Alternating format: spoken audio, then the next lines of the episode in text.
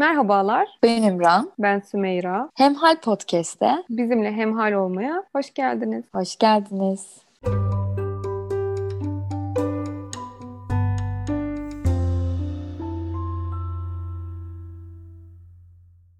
Gamze Hanım hoş geldiniz. İyi akşamlar, hoş bulduk. iyi akşamlar. Öncelikle kendinizi biraz tanıtmanızı rica ediyorum. Tabii ben ilk mesleğimi, ana mesleğimi söyleyeyim önce. Fizyoterapistim. Bunun dışında aldığım bir sürü eğitim var. Manuel tedavi, osteopati, psikonöroimmünoloji, zumba, pilates, egzersiz üzerine çalıştığım bir sürü aldığım sertifikalarım var. Onun dışında hipnoterapistim, yaşam koçuyum. Hani bunların da eğitimleri var. Sonrasında bunların doğrultusunda bütüncül tıbba, bütünsel tıp ya da işte bütüncül bakışa sahip olmayı öğrendim. Benim sürecim böyle. Hani mesleki donanımım diyeyim. Daha da ilerleyecek, öğrenecek çok şeyim var. Bunların yanı sıra akupunktur ve refleksoloji üzerine de eğitimlerim var. Bu ve bunun üzerinden de çocuklarımızla çalışıyoruz. Ve hepsini bir bütün haline getirdiğinizde bazı tedavilerin daha işe yaradığını hani ben tecrübelerimle gördüm. Bakalım daha yeni bir şeyler çıkarsa da devam ettirmeye çalışacağız kendimizi ilerletmek için. Evet çok güzel. Ben tabii bunların hepsini biliyorum çünkü siz Emir Zahid'in dediğim ikinci annesisiniz yani. aynen aynen. Evet benim de hani bir ablam olsaydı bu kadar Aynen. yakın olurduk herhalde. Şimdi burada şeyi sormak istiyorum. Eğitimlerinizden bahsettiğiniz için sanki burada sormak daha doğru geldi. Bütün bu eğitimleri aldıktan sonra klasik fizyoterapi eğitiminize geri dönüp baktığınızda siz olsanız neyi değiştirirdiniz orada? Şimdi şöyle e, hani bunu e, kendi aramızda da çok konuştuk. Kendi arkadaşlarımız arasında da çok konuşuyoruz. Tabii ki onlar temel alınması gereken şeyler ama bütüncül bakışa sahip olarak çıkmıyoruz. Ve ben bunu seneler sonrasında kazandım. İşte 2007 mezunuyum. Yaklaşık 13 sene oldu. Hatta 14. seneye giriyorum ve bir fiil çalışma hayatında. Yani hiç boş zamanım olmadı benim. Hani ara verme gibi ya da ne bileyim işten çıkma gibi hiç öyle bir durumum olmadı. Bütüncül bakışı sonradan yakaladım. Keşke bütüncül bakışla mezun olabilsek. Yani hani ya da buna yönlendirilebilsek. Aslında mesleğimiz çok gerçekten çok kıymetli. Mesela yurt dışında bunun kıymeti daha çok biliniyor. Ve fizik tedavi dediğiniz şey insanın hayatına her zaman dokunan yani her anlamda sadece çocuklar için değil ki. Kendi ailemizde de bir düşme oluyor, bir kırık oluyor, yaşlılarımız oluyor, kendi anne babamız hastalanıyor. Yani ailenin içinde olan zaten bir şey. O yüzden de hani evet eksiklikler var. Keşke bunlar değiştirilebilse ya da yenileri eklenebilse çok daha iyi olur. Yani bütüncül bakışa sahip olmak zorundayız. Çünkü bunun gerisine kaldığınız zaman tedavi bir yerde kalıyor. Onun dışında ilerleyemiyoruz maalesef. Gamze Hanım e, şey, gerçekten sizin de dediğiniz gibi özellikle bir uzmanlık gerektiren meslek alanlarında bir süre sonra herkes hayır ya bu işe daha bütüncül yaklaşmamız gerekiyor demeye başlıyor. E, ben şeyi merak ediyorum. Siz peki ne zaman fizyoterapi eğitimi aldınız işte mezun oldunuz alanda çalışmaya başladınız? Nasıl bir dönemde ya bu biraz eksik mi kalıyor acaba? Daha bütüncül yaklaşmaya mı gerek var? Ne zaman dediniz? Nasıl dediniz ya da hangi olaylarla? ben e, ben her zaman mesleğimi çok sevdim. E, sağlık alanında yani aslında benim ilk hedefim e, üniversite yani hekim olayım yani tıp fakültesine gireyim de amacım. Puanım tutmadı. Fizik tedaviyi seçmek zorunda kaldım. Ama iyi ki de seçmişim diyorum şimdi. Cuma günü mezun oldum ve pazartesi iş başı yaptım ve özel eğitime başladım. Ve biz o zaman o dönemde gerçekten çok ciddi anlamda aranılan bir meslek grubuyduk. Ve 9 sene ilk girdiğim özel eğitimle beraber çalıştım. Sonra baktık evet o zaman da enerjim yüksekti. İşte çocuklara bir şeyler yapayım, aktif hareket hep onun üzerinden gidiyordum ama hiç beslenme, işte ne bileyim refleksoloji, akupunktur, ne bileyim o bir organ tedavisi nedir bilmiyorduk. Sadece kas iskelet sistemi üzerinden gidiyorduk. Sonradan sonraya ilk hiç unutmuyorum. Hani belki isim de verebilirim bilmiyorum yanlış mı olur. Esat Başaran vardı refleksolog. Televizyonlarda çok çıkmıştı. İşte refleksolojinin bir dönem patladığı dönemde işte görmeyen çocuğu gördürürüz. işte yürümeyen çocuğu yürütürüz. Bir arkadaşım dedi ya bu refleksoloji bu kadar etkiliyse ya bir de biz gidelim alalım. Neymiş bu? Sonra gittik bir Alman hocadan ve osteopat bir hocadan aldık bunu. Esat Başaran'dan değil. Sonra adam bize sorular sordu. İşte neden refleksolojiyi alıyorsunuz? Benim sorum o oldu. Yani ben televizyonda bunu gördüm. Yani gerçekten görmeyen bir çocuk nasıl görebilir refleksolojiyle? Adam güldü sadece dedi ki bu dedi öyle bir şey değil. Refleksoloji size yardımcı olur. Enerji kanallarını açar. İşte bazı şeylerde çok daha faydası var. Ama bütüncül bakmanız lazım. İşte osteopati diye bir şey var falan. İlk osteopati benim aklıma orada girdi. Çünkü osteopattı kendisi. Sonradan sonraya bana yetmemeye başladı. Çünkü o fikir bir kere kafanıza girince ve merak varsa araştırmaya başlıyorsunuz. Sonradan baktım bazı çocuklarda işte özellikle kabızlık problemi çok çekiliyor. Yani bizim çocuklarımızda. Refleksolojiyle bunların gerçekten etkisi oluyor. Yani kabızlar çok ya diyordum ki işte ayakla karın ne alaka falan. Sonra akupunktura ilgim başladı. Derken onu aldım. Ondan sonra başka yöntemlere başvurdum. İşte sonra spor girdi falan. Sonra bir gün ben de bu arada iki çocuk annesiyim. Doğum yaptım e, ikinci oğluma kilo vermek için bir egzersiz salonuna gittim doğumdan sonra. Bir baktım ki o spor merkezinde yani iki spor uzmanı var ve spor yaptırıyorlar. Dedim ki bunlar dedim böyle bir yeri yönetebiliyorsa ben de yapabilirim. Çünkü spor geçmişim var. Daha önce de voleybol oynadım ve spor altyapım vardı. Bir günde karar verdim istifa ettim iş yerinden. İki hafta sonra bir kadın spor merkezi devraldım.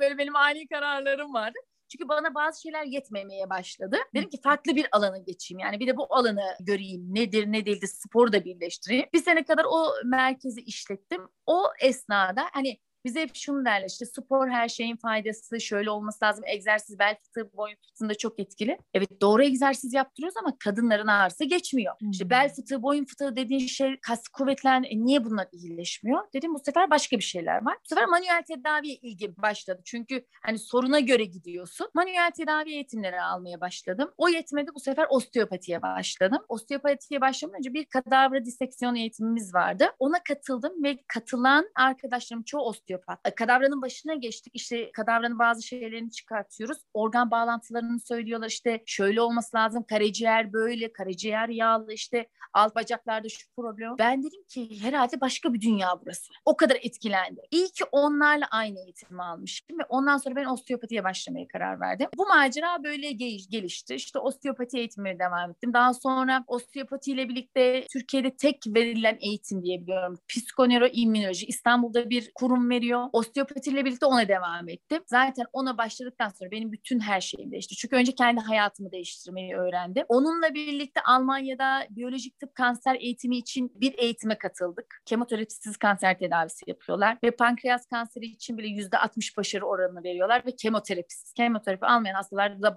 daha başarılı olduklarını söylüyorlar.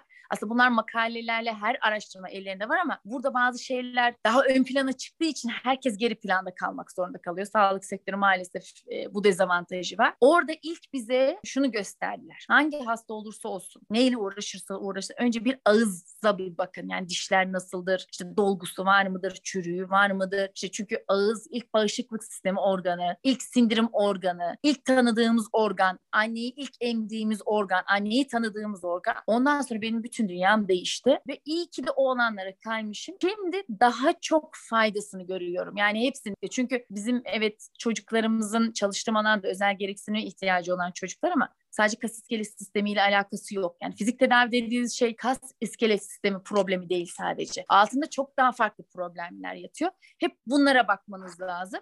Şimdi bu işe girdikten sonra daha çok okuyup araştırmaya başlıyorsunuz ve daha çok bilme isteği duyuyor. Yani neden bilme isteği var? Çünkü daha fazla yardımcı oluyor. Ya da daha fazla aileye dokunayım. İşte ne bileyim daha fazla ne yapabilirim bu çocuklara düşüncesi var. İyi ki de o alanlara kaymışım. Bütüncül baktığınız zaman bir nebze de olsa insanların bir yarasına merhem olabiliyorsun. Yani bu ayrı bir e, keyif. İnşallah herkes bu keyfi alır. Temennim o. Çünkü çok fizyoterapist arkadaşım var. Evet çok güzel çalışanlar da var ama mesleğimizi çok daha ileri seviyeye biz taşıyabiliriz. Yani bu kişisel farkındalıkla alakalı bir şey. Evet çok güzel özetlediniz. Aslında sizin fizyoterapisten anladığınızın ne olduğunu özetle biz böyle dinlemiş olduk ama ben özel olarak şeyi sormak istiyorum. Sizce beslenme bu işin neresinde ve beslenmeyi değiştirdiğiniz hastalardaki değişimlerden böyle az bir şey bahsedebilir misiniz? Beslenme bu işin yüzde yetmiş sekseni diyebilirim. Bu tecrübelerime dayanarak ben kendi hayatımda değiştirdiğim şeylerden kendimde çünkü önce ben bu psikoneuroimmünoloji alanını aldıktan sonra dedim ki önce ben kendimde yapmalıyım ki kendimdeki faydayı göreyim. Çünkü ben birine tavsiye vereceksem önce ben kendimde denemeliyim. Ve ben şu anda tek öğün besleniyorum. Yaklaşık bir sene olacak galiba. Ondan önce iki öğüne dönmüştüm. Ve kendimdeki farkı yani kilo vermenin dışında çok ciddi anlamda mesela konsantrasyonda çok daha fazla artış işte 3-4 kitabı bir arada okuyabiliyorum makale okuyabiliyorum. Önceden mesela müzik dinlerken makale kitap hayatta okuyamazdım çünkü kafamı veremezdi Bunu şimdi yapabiliyorum. 5-6 işi bir arada yapabiliyorum. Daha az yoruluyorum. Hani beni takip eden takipçilerim de bilir. Sabah yürüyüşüm yaparım. Mümkün olduğu kadar. Zaten spor hep vardı benim hayatımda. Şimdi daha çok daha çok arttırdım. İşte akşam mutlaka yürüyüşüm yaparım. En az 7-8 seansa giriyorum. Ee, bana hep soruyorsun işte bu kadar enerjiyi nereden Yor, yorulmuyorum. Yani yoruluyorsunuz tabii ki o ayrı ama o içinizdeki şey bitmiyor. Hani Duracell pil gibi oluyor. Bu böyle bir şey. Ve hastalarımda da özellikle çocuklarda ya da yetişkinlerde mesela bir bel fıtığı için danışan gelsin ben önceden hep direkt tedavi alırım. İşte manuel tedavi, osteopati. Şimdi önce bir hafta, iki hafta kadar detoksa sokuyorum. Ve detoksa soktuğum hasta bana gelmeden iyileşiyor. Yani düşünebiliyorsunuz bir bel fıtığı hastası sadece sadece ekmeği bile kesmeyle değişebiliyor ağrısı. Çünkü bu böyle bir şey. Temelinizin sağlam olması lazım. Yani benim hücrem sağlamsa çünkü hücreden oluşuyoruz. Hücreniz ne kadar temizse o kadar sağlıklısınız. Hücreniz ne kadar toksikse o kadar hastasınız. Bu böyle bir şey. Bir hücreden milyonlarca hücreden oluşmuşuz çoğala çoğala. O yüzden hücre boyutunda birazcık bakmak lazım. Belki bazı şeyler çok basit ama çok unuttuğumuz şey var maalesef. O yüzden beslenme bunların yüzde yetmiş sekseni. Siz şimdi beslenme deyince ben bir yandan çok dikkatli dinliyorum. Bir yandan ama vicdan azabıyla. Benim böyle bes yemekle alakalı yani hani e, çok seviyorum yemek yemeyi ve şimdi eşim de severiz ikimiz de yemek yemeyi iki bir araya gelince e, şey yapamıyoruz. Gerçekten kontrol etmek de zor ve bu bir e, yaşam tarzı yani yaşam Tabii. tarzınızı, Tabii. hayat tarzınızı değiştirmeniz gerekiyor. Tabii. Sadece kilo vermek için de değil dediğiniz gibi Hı-hı. aslında temel amaç daha sağlıklı olmak olmalı. Tabii, tabii. Böyle iyi bir şey oldu bana da biraz kendime gel. Çünkü tabii bunlar hani e, ben en çok Zeynep için aslında kızım için istiyorum yeme Hı-hı. alışkanlığımı değiştirmeyi. Bu zamana kadar yapamadım. E, belki çocuğum için büyük ihtimal yani yapmak durumundayım. Çok etkileniyor çocuklarda yani anne babanın yediklerini o sofrada ne varsa ondan yemek diyorlar. Tabii. Şimdi şu an mesela yeni yeni işte fark etmeye de başladı işte ek gıdaya geçti. Daha çok benim tabağıma dikkat ediyor ben ne yiyorum ikimizin tabağını kıyaslıyor vesaire. Yani evet hani anne babalar olarak hem çocuğumuzun beslenmesine dikkat etmek için kendimizin beslenmesine dikkat etmemiz gerekiyor. Şey soracaktım ben size. Peki mesela sizin e, merkezinize, çalıştığınız yere işte danışanlar geldiğinde siz nasıl bir değerlendirme yapıyorsunuz? Şimdi bütüncül e, yaklaşmak birçok farklı koldan bahsettiniz. Peki mesela şu an işte benim kızımın Zeynep'in Down sendromu var. Hani böyle bir de size danışan geldiğinde de de dire yani nasıl değerlendiriyorsunuz? Ben onu çok ilgimi çekti merak Hı. ettim. Önce ben genelde ilk görüşmeleri ben alıyorum. Çünkü ben daha çok tercih ediyorum bunu. Ee, hem kurumun başında olduğum için hem de çünkü bazı şeyleri temelden oturtmak lazım. Öyle düşünüyorum. Önce anneyi babayı birlikte almak çok önemli. Çocuk ikinci planda. Yani çocuğu sonra değerlendirmek önemli. Anneyi babayı sorgulayacaksınız. Yani hani annenin hastalığı var mı? Gebelik süreci nasıl geçti? İşte nasıl çocuğu besliyor? Anne sütü aldı mı? Antibiyotik kullanıldı mı? İşte yoğun bakım süreci varsa yoğun bakımda neler kullanıldı? İşte kan tahlilleri, işte B vitamini, D vitamini seviyesi nedir? Folik asit nedir? Bunların hepsinin konuşulması lazım. Bir kere şeyi de fark ediyorsun. İşte anne baba içeri girdikten sonra anne baba ilişkisi. Bakın bu çok önemli. Annenin babaya, babanın anneye bakışı kişi bile çocuğu etkiliyor. O uyumu bulabildiğiniz ailelerde zaten en önemlisi o. O çocukta daha çok özgüveni geliştiriyorsunuz ve o çocuk çok daha mutlu ve o çocuk daha savaşçı. İşte ben hep Meyra Hanımları o konuda çok takdir ediyorum. Biraz önce beslenme konusunda söyleyecektim söyleyemedim. Ee, ilk Yusuf Bey'e anlatmıştık bu beslenme konusu. Hani nasıl olur falan diyor. Şimdi yani insan inanırsa ve bunu gerçekten açıklarsanız ve insanın mantığına yatarsa kendi de denerse görüyor kendine olan faydasını. Ve diyorsunuz ki evet bu doğru doğru bir şey. Yani hani bunu ben şimdi doğru yaptığımı söylüyorum ama ben bunun doğru olduğuna inanıyorum. Çünkü ben kendim denedim ve sonucunu görüyorum. E bir sürü yayın da var. E fazla yemek, sık sık yemek zararlı. Yani bunun sıkıntılarını görüyoruz özellikle çocuklarımızda. Ve hani aile anlamında da hep onu diyorum. Yani Yusuf Bey ve Sümeyra Hanım hani çok örnek ailelerden birisi. Kendi bağları bu kadar kuvvetli olması, çocuklarına bu kadar güvenmesi. Önce kendine güvenmek. Annenin babanın kendine güvenmesi lazım. Ve çocukların bazı şeylerde kabulü. Ve o zaman ne oluyor? Elinden daha fazlası geliyor. Bir çocuk için daha fazlasını yapıyorsunuz. Bu çok kıymetli ve o zaman ne olur çocuğunuz çok daha savaşçı oluyor. Hep Emir Zahit ediyorum yani o benim savaşçım. ne olursa olsun çocuğum pes etmiyor. Yani hani çok zor günler yaşadık beraber. Hani ben bir kısmında ya, ya, yakınlarındaydım. Yakında olmaya çalıştım. Ama hep onu. Yani annesi gibi savaşçı bir çocuk. Yani öyle bir e, şey. Çünkü bu anneden ve babadan alınan bir şey. Siz dünyayı nasıl bakarsanız çocuğunuz da öyle bakıyor. Siz ne yersiniz çocuğunuz da onu yiyor. Bu tamamen ailenin bakış açısıyla alakalı alakalı. O yüzden ben ilk değerlendirme bu yönde bakarım. Bir saat, bir buçuk saat konuşurum velilerimle, anlatırım. Hani zararlı beslenmenin neden zararlı olduğunu, aslında bizim ilk kafamızda neleri bitirmemiz gerektiğini, ha şöyle de var. Çok bazı şeyleri kabul ettirmediğim velilerim de var. Yani bu tamamen tercih meselesi. Siz ne kadar en iyi terapist olun, en iyi hekim de olun. Karşı tarafın ne kadar istediğiyle alakalı ya da ne kadar sorumluluk alacağıyla alakalı. Evet biz yol gösteririz ama sorumluluğun tamamı sizde. Yani siz yaşıyorsunuz bunu görüyorsunuz. Bizde belki bir saat alıyor seans ya da iki saat alıyor. İşte haftada iki gün, üç gün geliyor. Ama geri kalan bütün ömür sizde bu çocukların. Sorumluluğu siz almadığınız sürece o çocuk da bir şey yapmaz. Bu böyle bir süreç. O yüzden benim için değerlendirmede ilk önemli olan kriterler bunlardır. Sorgulamak. Sorgulamak ve anlamak ve bilmek. Sonrasında zaten çocuğa alışma süreci vardır. İşte enerji tutması önemli. Çocuğa karşı senin yaklaşımın, sevgin. Bu bir enerjidir. Yani evet bizim çocuklarımız bazı problemlerde gerilikleri olabilir ama çocuk onu hisseder ve bilir. Ve bunların ekstra özel duyuları da geliştiğine inanıyorum. Yani bizim anlayamadığımız şeyleri o çocuklar hissediyor ve biliyor. Özellikle enerji boyutunu, annenin kalp atışını, ısısını, işte terapistin ısısını, ona nasıl yaklaştığını biliyor. Ona göre de tepki veriyor. Hepimiz zaten bize geldiği zaman şeysi beni alıp nerede? Hani bu sizde uyanıyor. Bu uyanık. Ya ama gerçekten öyle oluyordu. Başka fizyoterapistlere mesela özel ben hoşlanmadıysam bu yani tamamen gerçekten ortamın havasını alıyorlar. Çocuk uyuyordu ve fizyoterapist böyle bakıyordu. İşte hani şunu yapması lazım, bunu yapması lazım hiçbir şey yapmıyor gibi bir değerlendirme Hamza Hanım'a gidiyoruz. Gözler böyle açık sesi evet, duyardık. Yani şey, hani biz Emir Zahit'le böyle bizim 40 dakika sürmüyordu. Bizim seansımız uzun sürüyor. Ve Emir Zahit ne kadar yaptırsa o kadar yapan bir çocuk. Ve ve hep Emir Zahit'e iyi gelen şeydir. Hareket yaptıkça çocuk açılıyor. Ve gerçekten hareketsizliği sevmiyor. Yani onun yapısında da var. Yani anne, annesi gibi gerçekten hareketli bir şey. Yerinde duramayan bir çocuk yani. O seviyor. Hakikaten seviyor ve bunu biliyor. Ve bunu senden aldığı zaman çocuk yansıtıyor.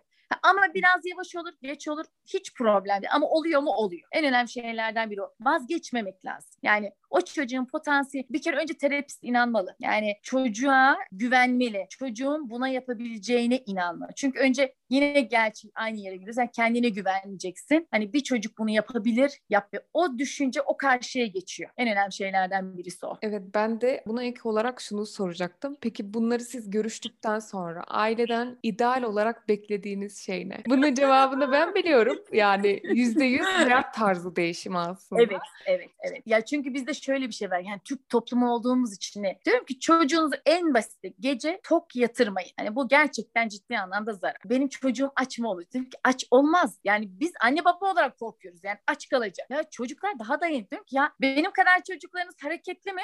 Değil. İşte ben daha fazla belki kalori evet ama ben tek öğün besleniyorum. Ben doyuyorum. İşte bu örnek o yüzden güzel. Kendi yaşam tarzımı yaptığım için karşı tarafa örnek olabiliyorum. Peki ben tek öğünle doyasam bu çocuk doyar. Ve çocukları zorlamayın yemek yedirmek için. Çünkü çocuk aç olduğu zamanı biliyor. Gerçekten acıktığı zaman gelir. Ve hiçbir çocuk yani günümüz şartlarında açlıktan ölmez. O yüzden çünkü beslenmiş şudur. Sindirim en önemli ağızdan giren ilk şey bağışıklığı da başlatır. Sizin bağışıklığınız ne kadar kuvvetliyse o kadar her hastalıkla mücadele etme şansınız çok daha fazla artıyor. O yüzden bizim için sindirim, beslenme çok çok elzem. Zaten sıkıntılı süreçler geçirmiş. İşte yoğun bakım süreci geçiriyoruz. Bir sürü ilaç kullanıyoruz. Bunların toksik özellikleri var. Şimdi bunlar atılacak vücuttan. Ne yapmak lazım? Nasıl atılır? Detoks yapacağız. Nelerle yapılır? Anti-enflamatuar besinlerle ya da beslenme tarzıyla. O değil sadece yetmiyor. Hareket ettirmek zorundayız bu çocuğu. İşte çok aşırı sıcağa alıştırmamamız lazım. Soğuğa da alışmalı bir çocuk çünkü vücut ısısını da ona göre de ayarlayacak. Çünkü deri de önemli bağışıklık sistemi organlarından biri. Masajı da yapacağız. İşte aromaterapi, koku bunların hepsini kullanacağız. Refleksoloji yapacağız evde. Mutlaka o çocuk boş durmayacak.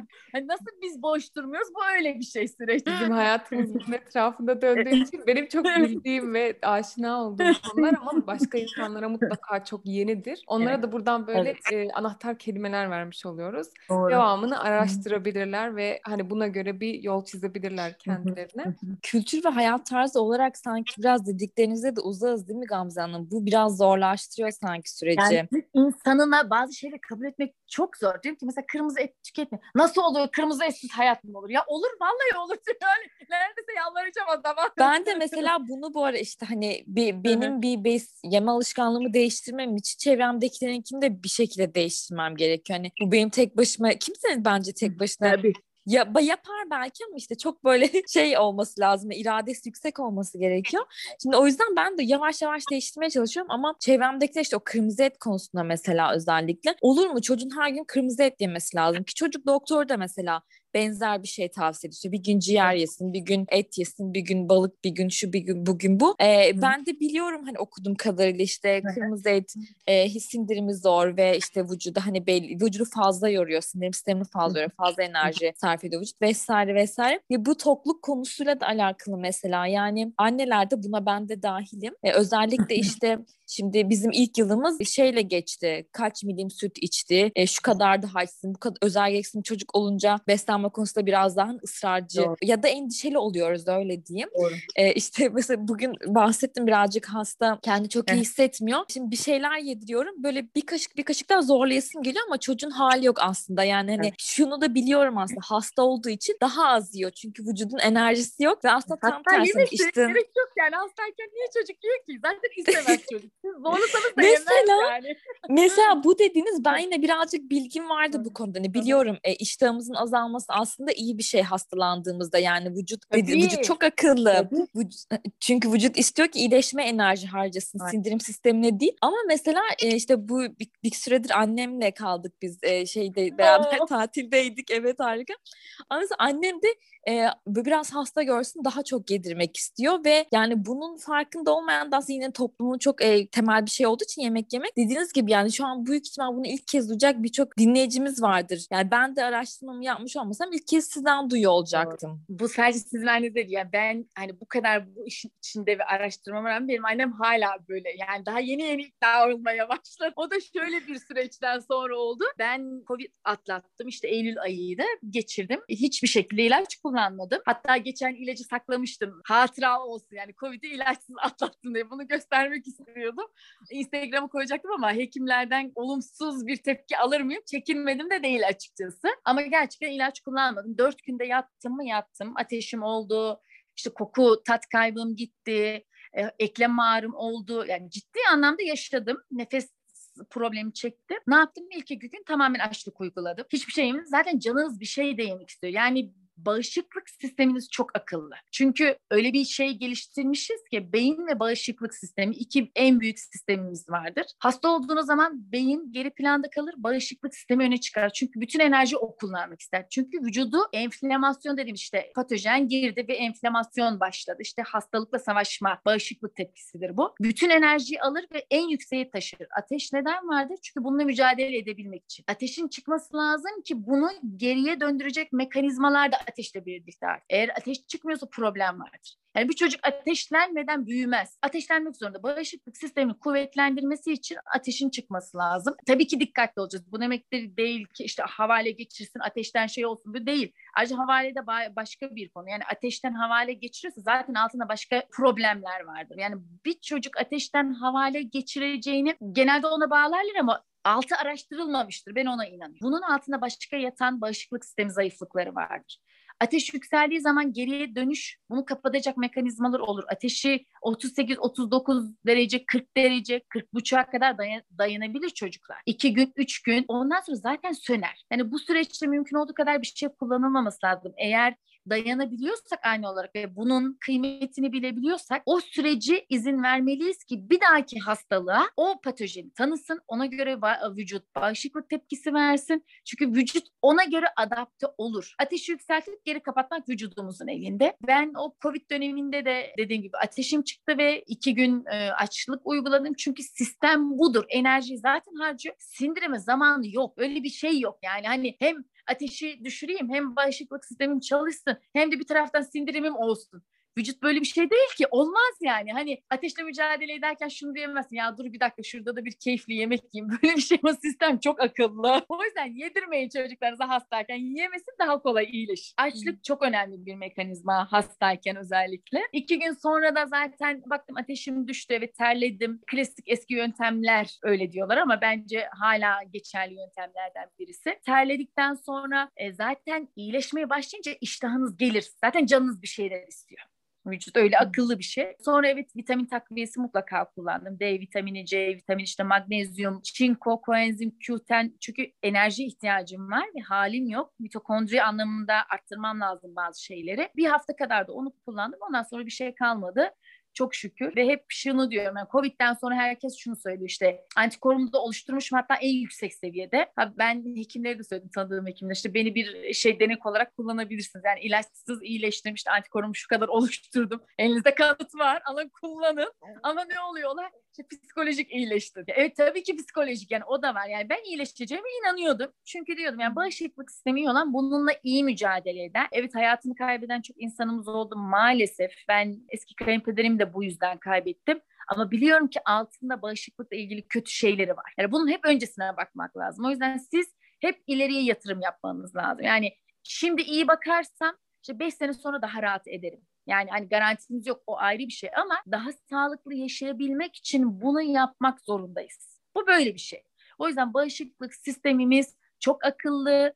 Çünkü senelerce bize bunu genetik olarak hani gen önemli evet genetik olarak bizim hafızamızda var. Çünkü hayatta kalmak zorundayız. Yani hayatta kalmak için karar vermemiz lazım. Bir taraftan da bağışıklığımızın iyi olması lazım. Bu iki sistemi dengede oturursak iyileştirilmeyecek kolay kolay bir şey olmayacağını inanmıyorum. Yani hani yavaş yavaş da olsa ama vücut bir şekilde bir yerden sonra toparlar ve belli bir şeye kadar getirebilir. Ben buna inanıyorum. Devrim niteliğinde açıklamalarla Bunları kesecek. Hayır kesmeyeceğiz. Biz fikir özgürlüğüne inanıyoruz. Hem Harp Podcast'te.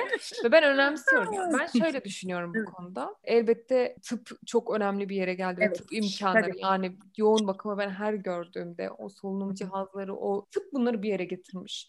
Tabii. Ee, ama ben geleneksel tıbbı da reddetmiyorum. Modern tıbbı evet. da çok önemsiyorum. Hepsinin kıymeti yeri çok tabii, farklı. Tabii. Bence mesela ben geleneksel tıbbı önleyici tıp olarak ondan istifade etmeyi önemsiyorum ama modern tıbbı da bir şey devreye girdikten sonra evet. yani artık geri dönülmez olduğunda. Şimdi Emir Zahidi geleneksel tıpla çok fazla belki ileri gidemem. Hani yardımcı, destekleyici olarak kullanabiliriz, kullanmalıyız ama hı hı bazı konularda yetersiz kalabilir. Ama Tabii. şöyle ben insanların biraz bu konularda kolaycılığa kaçtığını düşünüyorum. Yani çok konforlu.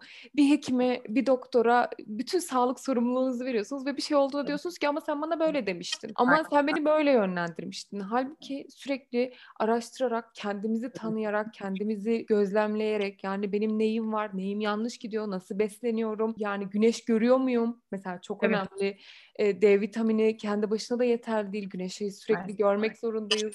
E, güneşten de faydalanmak zorundayız. Hani bunlar hepsi birbiriyle bağlantılı şeyler. Çok, Buradan şeye çok. geleceğim. Rehabilitasyon, fizyoterapinin çok içinde olduğu bir kavram. Bizim ülkece böyle rehabilitasyondan daha henüz çok bir şey anladığımızı düşünmüyorum. Ama şöyle bir şey olmuştu. Biz Mia Yaşam Merkezi'ne yani sizin çalıştığınız yere gelmeden önce böyle apartman tipi bir rehabilitasyon merkezine gitmiştik.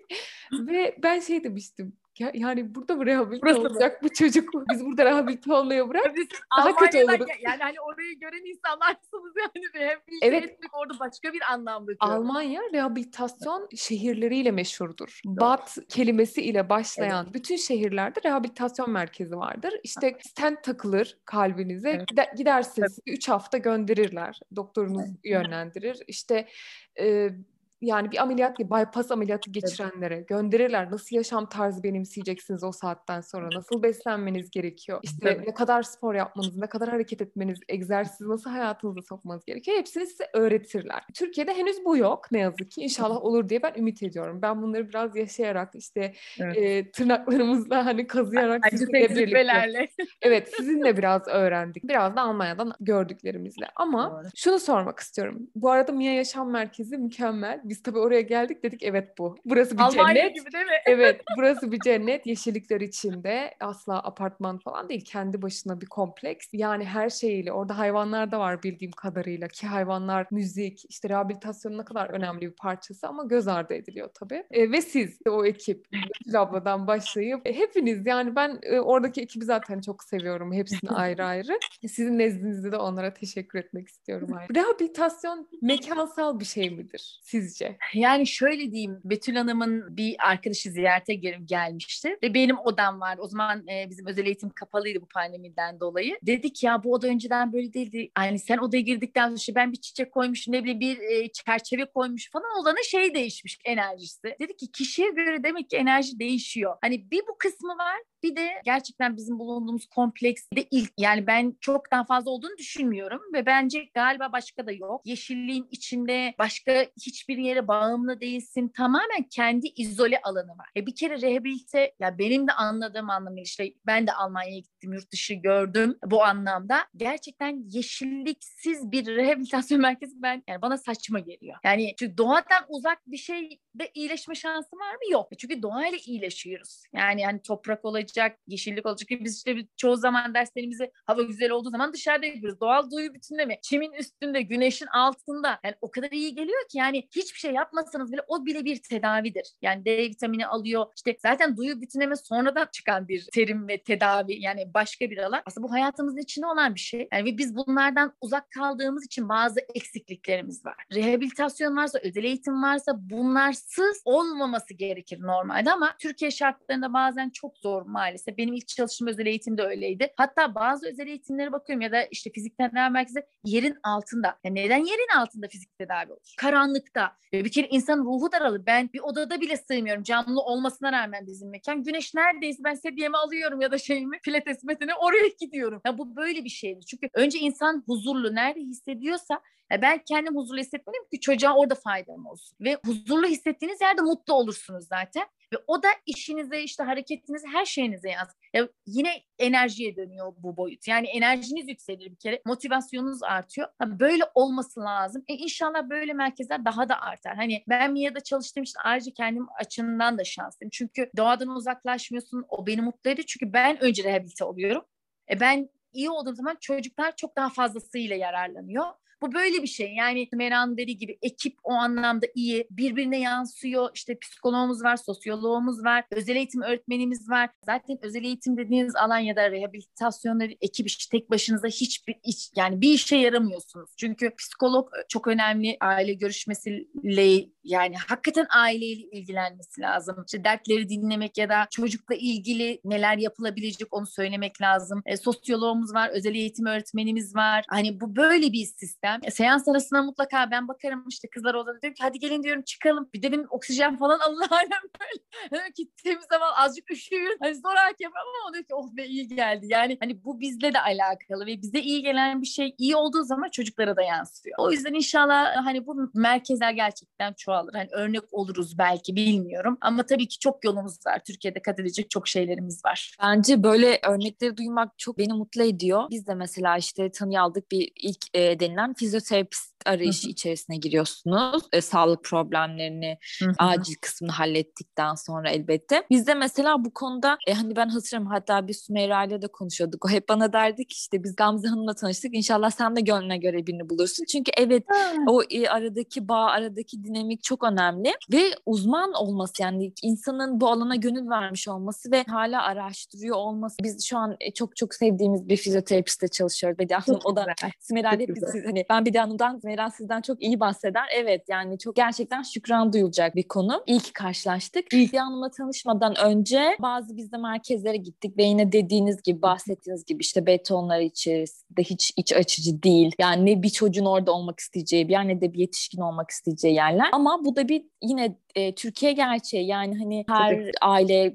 karşılayamayabiliyor belli rakamları. Bu merkezlerden faydalanmak durumunda kalabiliyor. Ama hani şeyi de merak ediyorum. Sizin bir yeni mezun olan çünkü genelde de çok yeni mezun arkadaşlar çalışıyor oluyor merkezlerde. Hem yeni mezun e, meslektaşlarınıza ne gibi tavsiyeleriniz olur hani bu noktada? Bir de yine aileler hani o merkezlere e, giden aileler tamam yine çok güzel bir şey destek alıyorlar oradan ama ekstra bir şey yapmaları gerekir mi ne yapabilirler fizyoterapi noktasında anlamında? Şimdi şöyle ben biz iki fizyoterapistiz kurumda. Seda var onu da çok seviyorum. O da yeni mezun. Bu sene mezun oldu ve çok donanımlı. Yani yeni mezun olmasına bu tamamen kişinin mesleğine olan saygısıyla alakalı. Mezun olmadan bazı eğitimlere başlıyor. Çünkü biz artık yeni mezunlar çok daha şanslı. Biz makaleleri ulaşabilmek için o kadar ben kütüphanelere gittiğimi biliyorum bazı şeyleri araştırmak için. Çünkü makale bulamıyorduk. Makaleyi satın alacağız da yayıncıdan gelecek ve böyle Şimdi her imkan var. Online eğitimler, eğitim anlamında çok daha fazla var Türkiye'de. Bunlardan yararlanabilirler. Yeni mezun olup dediğim gibi Seda'ya örnek vereyim. Mesela bir hacamat eğitimi almış. Mesela sülük eğitimi almış. Bunlar çok konuşulan şeyler değil. Normalde bizim hakkımız da değil. Normalde bu hekimlerin uygulamaları, işte da öyle. Aslında osteopati bile öyle. Sadece hekimler yapabilir diye ama biz hastayla bu şey değil. Savaşta işte ben hekimim, sen doktorsun, işte e, sen fizyoterapistsin. Ya dokunan insan bunu bilmesi lazım. Yani böyle bir şey var. Bu çok saçma geliyor. Eğer bir sağlık alanındaysan ve kas iskele sistemiyle ve bu tür şeylerle çalışıyorsan dokunmadan sen bir çocuğu iyileştiremezsin. Dokunmadan bir hastayı iyileştiremezsin. Gerçi eğitimden konu buraya geldi. O kadar doluyum ki bazı şeylerde. Yeni mezunlar da bu eğitimleri kesinlikle kaçırmamalı. Aldığı her bir eğitim, hiçbir eğitim boşuna gitmiyor. Beğensin, beğenmesin. Evet seçebilir. Ben de bazen saçma eğitimler aldım ama mutlaka bir şey katmıştır bana. Yani bir bakış açısı değiştirmiştir. Bir şey göstermiştir, bir tutuş geliştirmiştir. Sonuçta herkes kendini özgü teknikle geliştiriyor. Evet belli şeyler var ama sen kendi tecrübelerine, bilgi birikiminle, okuduklarına, hislerinle ve ona inancınla o elinden o şey çıkıyor. Bu bir yetenek, bir sanat işi. Yani sen nasıl bu işe gönül veriyorsan o elinde hani hamur mayalamak gibi bir şeydir. O yüzden yeni mezunlar mutlaka eğitime açık olsunlar. Çok fazla eğitim imkanı var. Eğer imkanları varsa ben hep onu Yani ben Alman hocalardan çok tercih ettim ve gerçekten bu konuda çok disiplinliler. Çok daha farklı belki bakış açılarına sahip. Onlardan çok şey öğrendim. Hani onları takip edebilirler. Beslenme alanına mutlaka girsinler. Bütüncül tıp, bütüncül bakışı geliştiren eğitimler var. Onlara devam etsinler. Çünkü bu bir süreç. Şundan kaçınsınlar. İlk önce mesleki anlamda tabii ki para kazanacağız. Yani meslek bitiriyorsun ve çalışıyorsun. Hedefimiz biz ilk önce para olmamak. Önce ben insana hizmet etmeliyim. Ben mesleğimi icra evet tabii ki kazanacaksın ama ilk hedefe parayı koyduğun zaman ben şuna inanıyorum. Sağlıklı ticaret ön boyuta geçerse sen hastayı iyileştiremezsin. Bu böyle bir şey. O yüzden tecrübe kazanacaksın. Gerektiğinde bir hocanın yanında çalışacaksın. Eline bakacaksın. Onun hayata bakışına bakacaksın. İşte hastaya yaklaşımı çok önemli. İnsani vicdani boyut çok önemli. Merhamet, vicdan duygusu olması lazım sağlık alanında çalışan insanlar bahsediyorum. Çünkü kolay bir süreç değil. Hele çocuk alanında ben hep şunu diyorum. Evet insanlar bir sürü şeyle sınanıyor. Ben de iki çocuk annesiyim. En zor sınav insanın evladıyla olan. Yani bundan daha zorunu bilmiyorum, görmüyorum. Evet biz yaşamadık sizin gibi o şeylerden geçiyor ama sadece gözlemleyebiliyoruz ve her şeyin göre dönüşü oluyor ama ne imkanın olursa olsun bazı şeyler senin imkanın dışında oluyor. Keşke daha fazla bir şeyler olsa daha fazla yapayım bu istek var. O yüzden en zoru bu ve biz bir çocuğun hayatı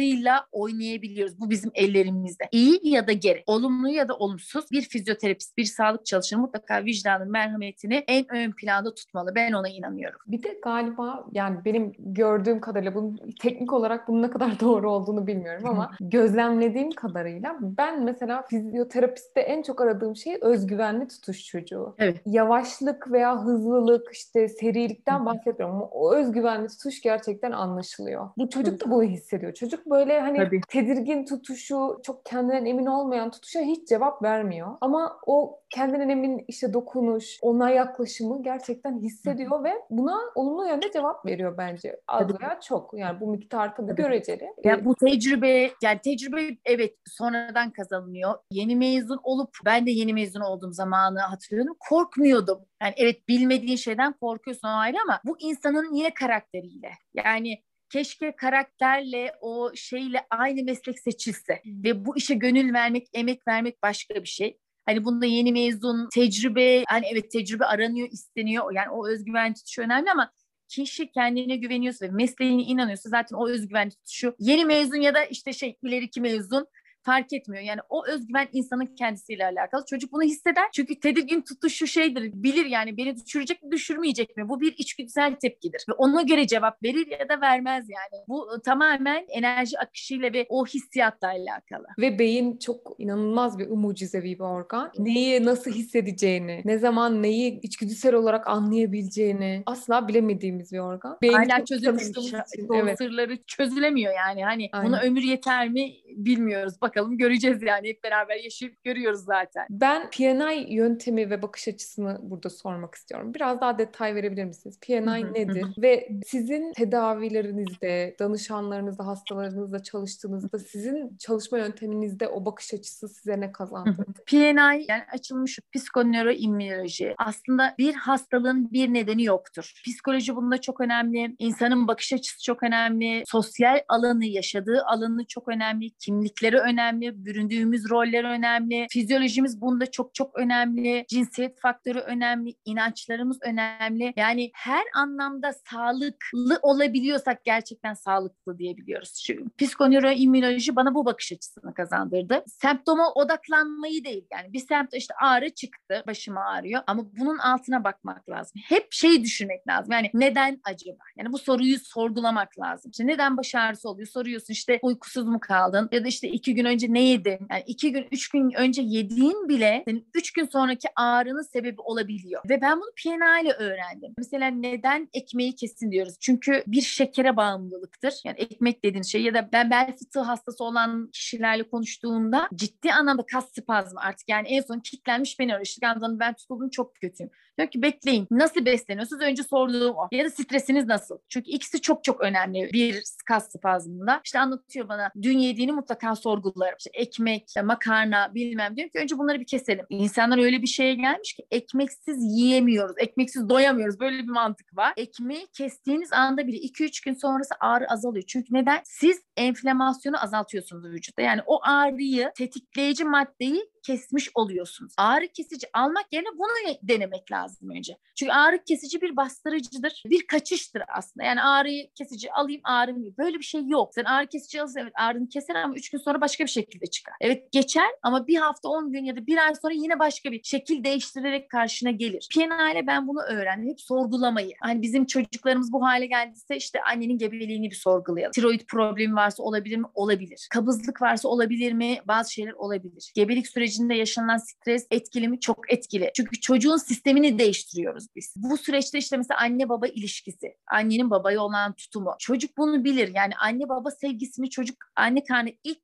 doğmadan bile çünkü hücre hafızası diye bir şeyimiz var ve öyle gelişiyoruz. Sevgiyle doğan çocuk stressiz hani mümkün mü? Tabii ki mümkün değil. Yani şu günümüz şartlarda özellikle Türkiye'de stressiz doğan çocuk onu bilmiyorum ama ne kadar stresi yönetebiliyorsa bir anne baba çocuk o kadar mücadeleci oluyor oluyor. Yani bu çok çok önemli. Hep bunları sorgulamak lazım. Ben hastalarımla şunu yapıyorum ya da velilerimle ve çocuklarımızla beslenmeyi değiştirdiğimizde hemen bir günde olmuyor. Keşke olsa böyle elimizde sihirli değnek olsa işte bir anda iyileştirebilsek ama gidişatını görebiliyoruz işte. Bir ay sonra bir şey gözüküyor. Küçük bir adım bile bizim için çok önemli bir mutluluk. Üç ay sonra daha farklı oluyor. Beş ay sonra daha farklı şeyler gözlemliyor. Ama e, bazen oluyor ki deneme yanılma. Bu da böyle bir şey. İşte bir iyi dediğin şey baş, bazen iyi olmayabiliyor. Bakıyoruz hemen olumsuz yönde etkilediyse hemen değiştirmemiz lazım. Bu böyle de sorgulayarak geçen bir şey. Yoksa aynı şeyleri yap yap dur böyle bir şey değil fizik tedavi. PNI'de bana bu bakış açısını kazandırdı. He, ben yine Emir Zahit'e geleceğim. Çok olumsuz süreçler yaşadı çocuğum bu süreçte ama annesi evde bu kadar beslenmesine, bu kadar işte aromaterapiye, bu kadar masaja, bu kadar refleksolojiye ve dokunmaya eğer devam etmeseydi mesela Emir Zahit başkasının elinde olsaydı nasıl olurdu? Belki de şu anda hayatta olmayabilir. Ben bunu gözlemliyorum. Yani eğer o hayattaysa evet mücadeleci kesinlikle Sümeyra Hanım en iyi terapist annelerden. Yani biz ödüllü annelerimizden. Çok önemli bir şey. Yani beslenme, işte ona bakış açısı, işte araştırma açısına hiçbir zaman vazgeçmedi.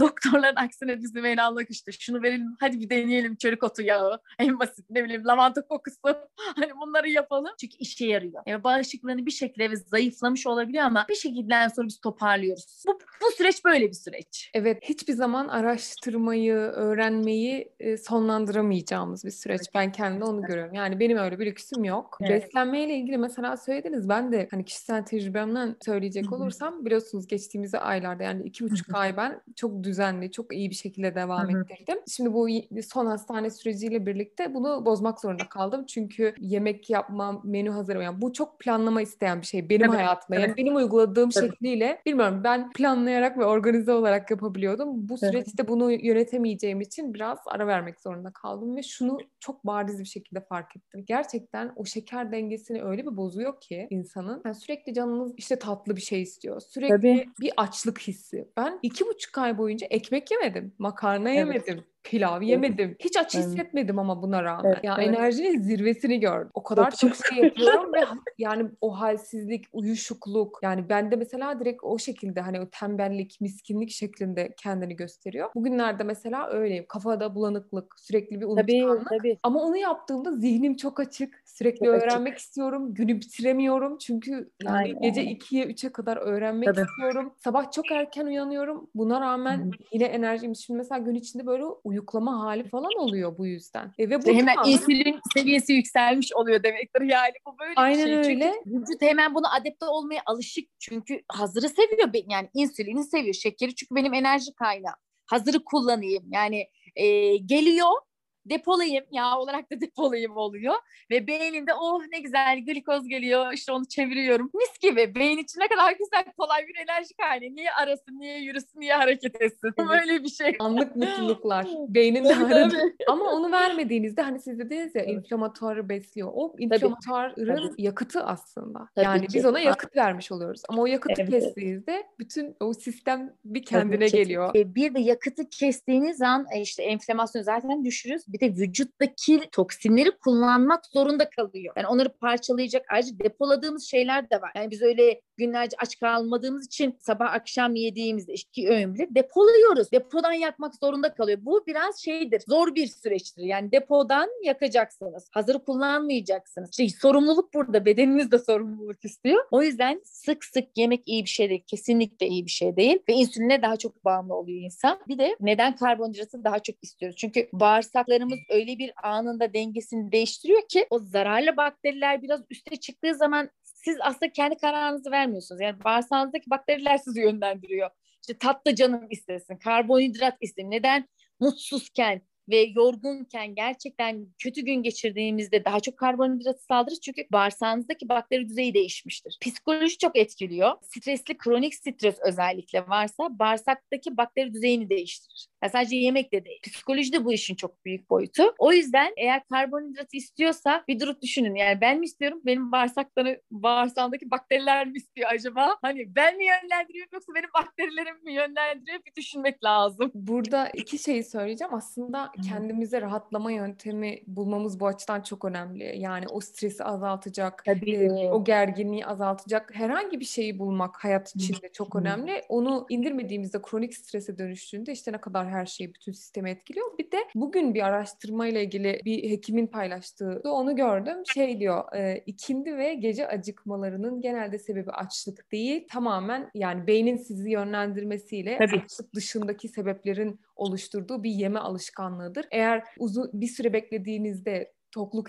hissediyorsanız e, ve gece acıkıyorsanız bu açlıktan dolayı değil tamamen gereksiz yeme alışkanlığı diyor. Bir de şey var yani açlık dediğin yani mesela ben 36 saatlik de yapabiliyorum buna dayanabiliyorum 24 saatte bir besleniyorum şimdi. Bu insanlar çok şey geliyor zor geliyor şu anda ama acıkıyor muyum? Yani zamanı geldiğinde acıkıyorum ama e, mesela hafta sonu evet ben hiç mi bozmuyorum? Tabii ki bozuyorum. İşte iki gün e, hafta sonu babamların yanına gittim ve iki öğün yedim mesela. İki öğün benim için artık inanılmaz fazla bir öğün ve iki günün sonunda kalktığımda bir tamamen beyin bulanıklığı, bir böyle bir tuhaf bir şey yük hissediyorum. Hemen pazartesi sabahleyin e, bir koşu işte pazar günü 10 küsür kilometrelik bir adım ter ve dünya varmış. Hani evet diyorum ama bunun bedelini de ödemek lazım vücuda. Bunu yapmamız lazım. Çünkü doğrusu bu. Şunu da unutmamak lazım. Duygusal açlık en önemli şeylerden biri. Yani bizim kendimize yaratamadığımız alanlar ya da kendimizi mutlu edemediğimiz alanlarda ne oluyor? Biz yemeğe sarılıyoruz. Maalesef e, bu böyle bir düzen. O arada mutlu olduğumuz ya da bize huzur veren ya da işte ne bileyim ya da gerçekten o arada acıktığımız işte bir iki harekete zaten tokluk hissi gelecek. Geliyor da. Hani bunu ben kendimden çok net biliyorum. Sadece orada yenik düşmemek lazım. Düştüğün an vücut senden intikamını alıyor. Bir de şöyle yaygın yanlış anlayış var diye görüyorum ben. İşte mesela bana bana diyorlar ki sen zayıfsın neyine dikkat ediyorsun? Yani bu zayıflıkla ilgili bir şey değil. Mesela ben aslında hani kilo olarak ideal kilomun da altındayım. Hatta böyle kalorili beslenmeye falan çalışıyorum ama tabii sağlıklı kalori, sağlıklı karbonhidrat, sağlıklı yağlara yöneliyorum bunu yaparken. aynen, hani aynen. boş karbonhidrat, basit karbonhidrat, basit şekerle değil. Ama böyle yaygın bir anlayış var. Eşime de öyle diyorlarmış. Mesela pandemide biz çift olarak tek yani çevremizde zayıflayan çiftiz. Herkesin kilo aldığı bir dönemde. E şimdi insanlar diyorlar ki neye dikkat ediyorsun? Şimdi e, hani beni geçtim. Ben zaten hep böyle konulara meraklıydım ama Yusuf'un bu konularda bu kadar artık insanlara da anlatıyor olması beni de şaşırtıyor. Ama bu tabii sizin de tamamen etkiniz Gamze Hanım. Yani bunu söylemem gerekiyor burada. O da şey işte şunu yememek lazım. Bunlara dikkat etmek lazım. Paketli gıda çok yanlış. Hani onun içinde kiloyu o içindeki maddeleri kalıcı hale getiren vücutta ve atamı, atamamamızı sağlayan işte o yağları kalıcı hale getiren vücutta e, onları eritemiyoruz. Bunlara sebep olan şeyler var. Yememek lazım diye insanlara söylediğimde bu benim çok hoşuma gidiyor. Çünkü bu gerçekten bir hayat tarzı ve bilinç oluşturma. Ama insanlarda böyle mesela çok Evet. bildiğim çevremde insanlar var. İşte gidiyor 10 kilometre koşu yapıyor, yürüyüş yapıyor. İşte bugün şu kadar kalori yiyebilirim. Ne Evet. kadar yiyebileceği ya da yemek istediği kaloriye göre spor yapan, egzersiz yapan bir anlayış.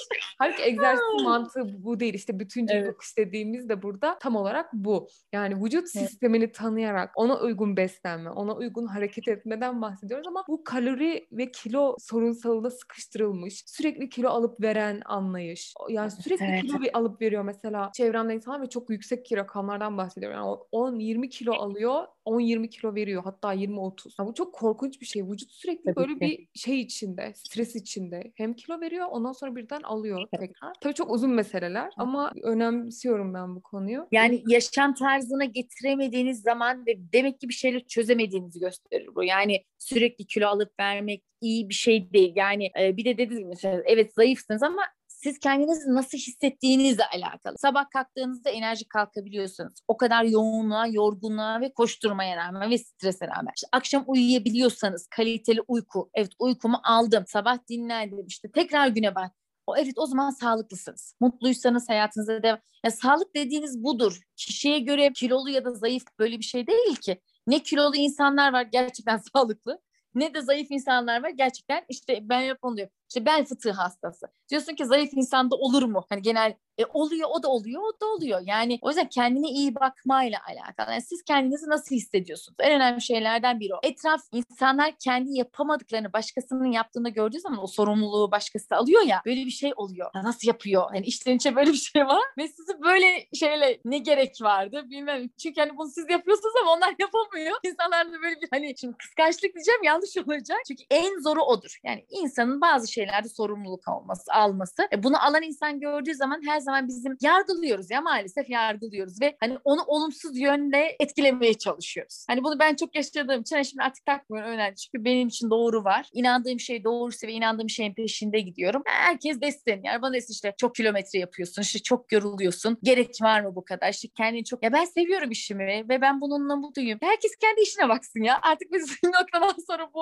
hale geliyorsunuz. E, Bir de şey oluyor mesela. Biz de böyle bazen konuşuyoruz Sümeyra'yla. Hani insan stres de yapıyor dediğimiz gibi. Ya bunu yememem gerekiyor, bunu yapmamam gerekiyor, bunu böyle yapmam gerekiyor. Bir hani biraz bu stresin kaynağı şeyle alakalı olabiliyor bazen. Ya bir türlü o ikna olma süreci var ya hani. Ne Hı hı. tamamen şeysin, bir anda inanıyorsun evet öyle olması gerektiğini ama bir yandan da o kabul etmeme, hani kabullenmeme süreci oluyor. Mesela bazen ben orada da şey yapıyorum. Ya diyorum hani bazen de çok bildiğin zaman gerçekten çok strese giriyorsun birçok şeyle alakalı. Mesela bunun dengesini nasıl tutturabiliriz acaba? Böyle bazen kafa yormak istiyorum bu konuya. Hani bir yandan evet tamam dikkat edelim ama bir yandan da işte mesela özellikle mamayla alakalı böyle bir şey var. Hani mama vermek durumunda birçok yani özellikle çocuk mama almak durumunda kalıyor e, bebekliğinin bir evresinde. E, ama anne olarak çok işte vicdan azabı çekiyorsun ve çok kötü hissediyor oluyorsun. İşte şöyle işte mamanın içerisinde şu var bu var diye. Mesela bazen onu merak ediyorum. Hani e, sen o stresin de aslında çocuğa zarar zararlı. Yani hani evet. bazen aslında mamayı ver hani yapacak bir şeyin yok Hı. çünkü. Stres yapmamaya çalış çocuk için daha faydalı. Hani hem mamayı vermek zorunda olup hem stres yapmanın da çok bir şey olmuyor daha Hı. zararlı bir şey. Onu dengelemek de çok önemli aslında. Biraz şöyle bakıyorum bu olaya. Evet bunları bilmek çok önemli. Bunun farkında olmak çok önemli. Ama biraz da sen kendini de tanıyacaksın. Ben şu an hayatın evet. bu evresinde bunu bu kadar yapabiliyorum. Hı. Ya da şu an benim çocuğumun için bu ilacı vermek zorundayım. Bu mamayı vermek zorundayım ve bu onun iyiliği için, bu onun için en iyi olacak şey deyip gerçekten hani dediğiniz gibi bir şey yapmak gerekiyor. Kendimizi psikolojik sağlığımızı da böyle bir en kendi kendimize iyi gelmemiz evet. gerekiyor bu noktada. Aynen, aynen. Yani bunu dışarıdan birisi söyleyip önce siz bunu içinizde hissetmelisiniz. Yani bir anne zaten çocuğu için en iyi olanı bilir. Yani gerçekten bu içgüdüsel olarak oluyor. Sadece uygulaması kalıyor. Hani vicdan azabı konusunda bir şey mi? Mama konusunda ciddi anlamda şeyler var. Sümeyra Hanım'ı çok araştırdık. İşte bakıyoruz hangisi daha az toksik. Yani böyle bir maalesef şey yok. Ama en zararsızını seçiyoruz bunların arasında. Ha, çocuk şöyle bir varlık bir şekilde bir yerden tolere eder büyüklere göre. E şimdi evet mama verebiliriz ama ileride onu değiştir yani işte ne, nedir ne bileyim avokado tüketerek işte kırmızı morlu şeyler tüketerek ilerisi için. Bir şekilde antioksidan özelliği yüksek gıdaları hayatına soktuğu zaman onu toparlama ihtimalimiz yüksek. Böyle düşünürsek sizin o yarattığınız stres zaten azalır. Vicdan olarak rahatlarsınız. O size hem iyi geldiği bir çocuğa da iyi gelecek. Yani doğru yaptık. Size göre ne doğruysa gerekirse gerçekten araştırıp okuyup doğru bildiğiniz şeyden vazgeçmemek lazım. Ben ona inanıyorum. Kendi çocuklarım için de bunu yapıyorum. Yani kendi çocuklarını hiç mi kaçamak? Yani tabii ki yiyorlar. İşte gece tost dedikleri de oluyor. Ama mutlaka ertesi gün sebzesini yedir. İşte mutlaka çorbası olur, sebze çorbası.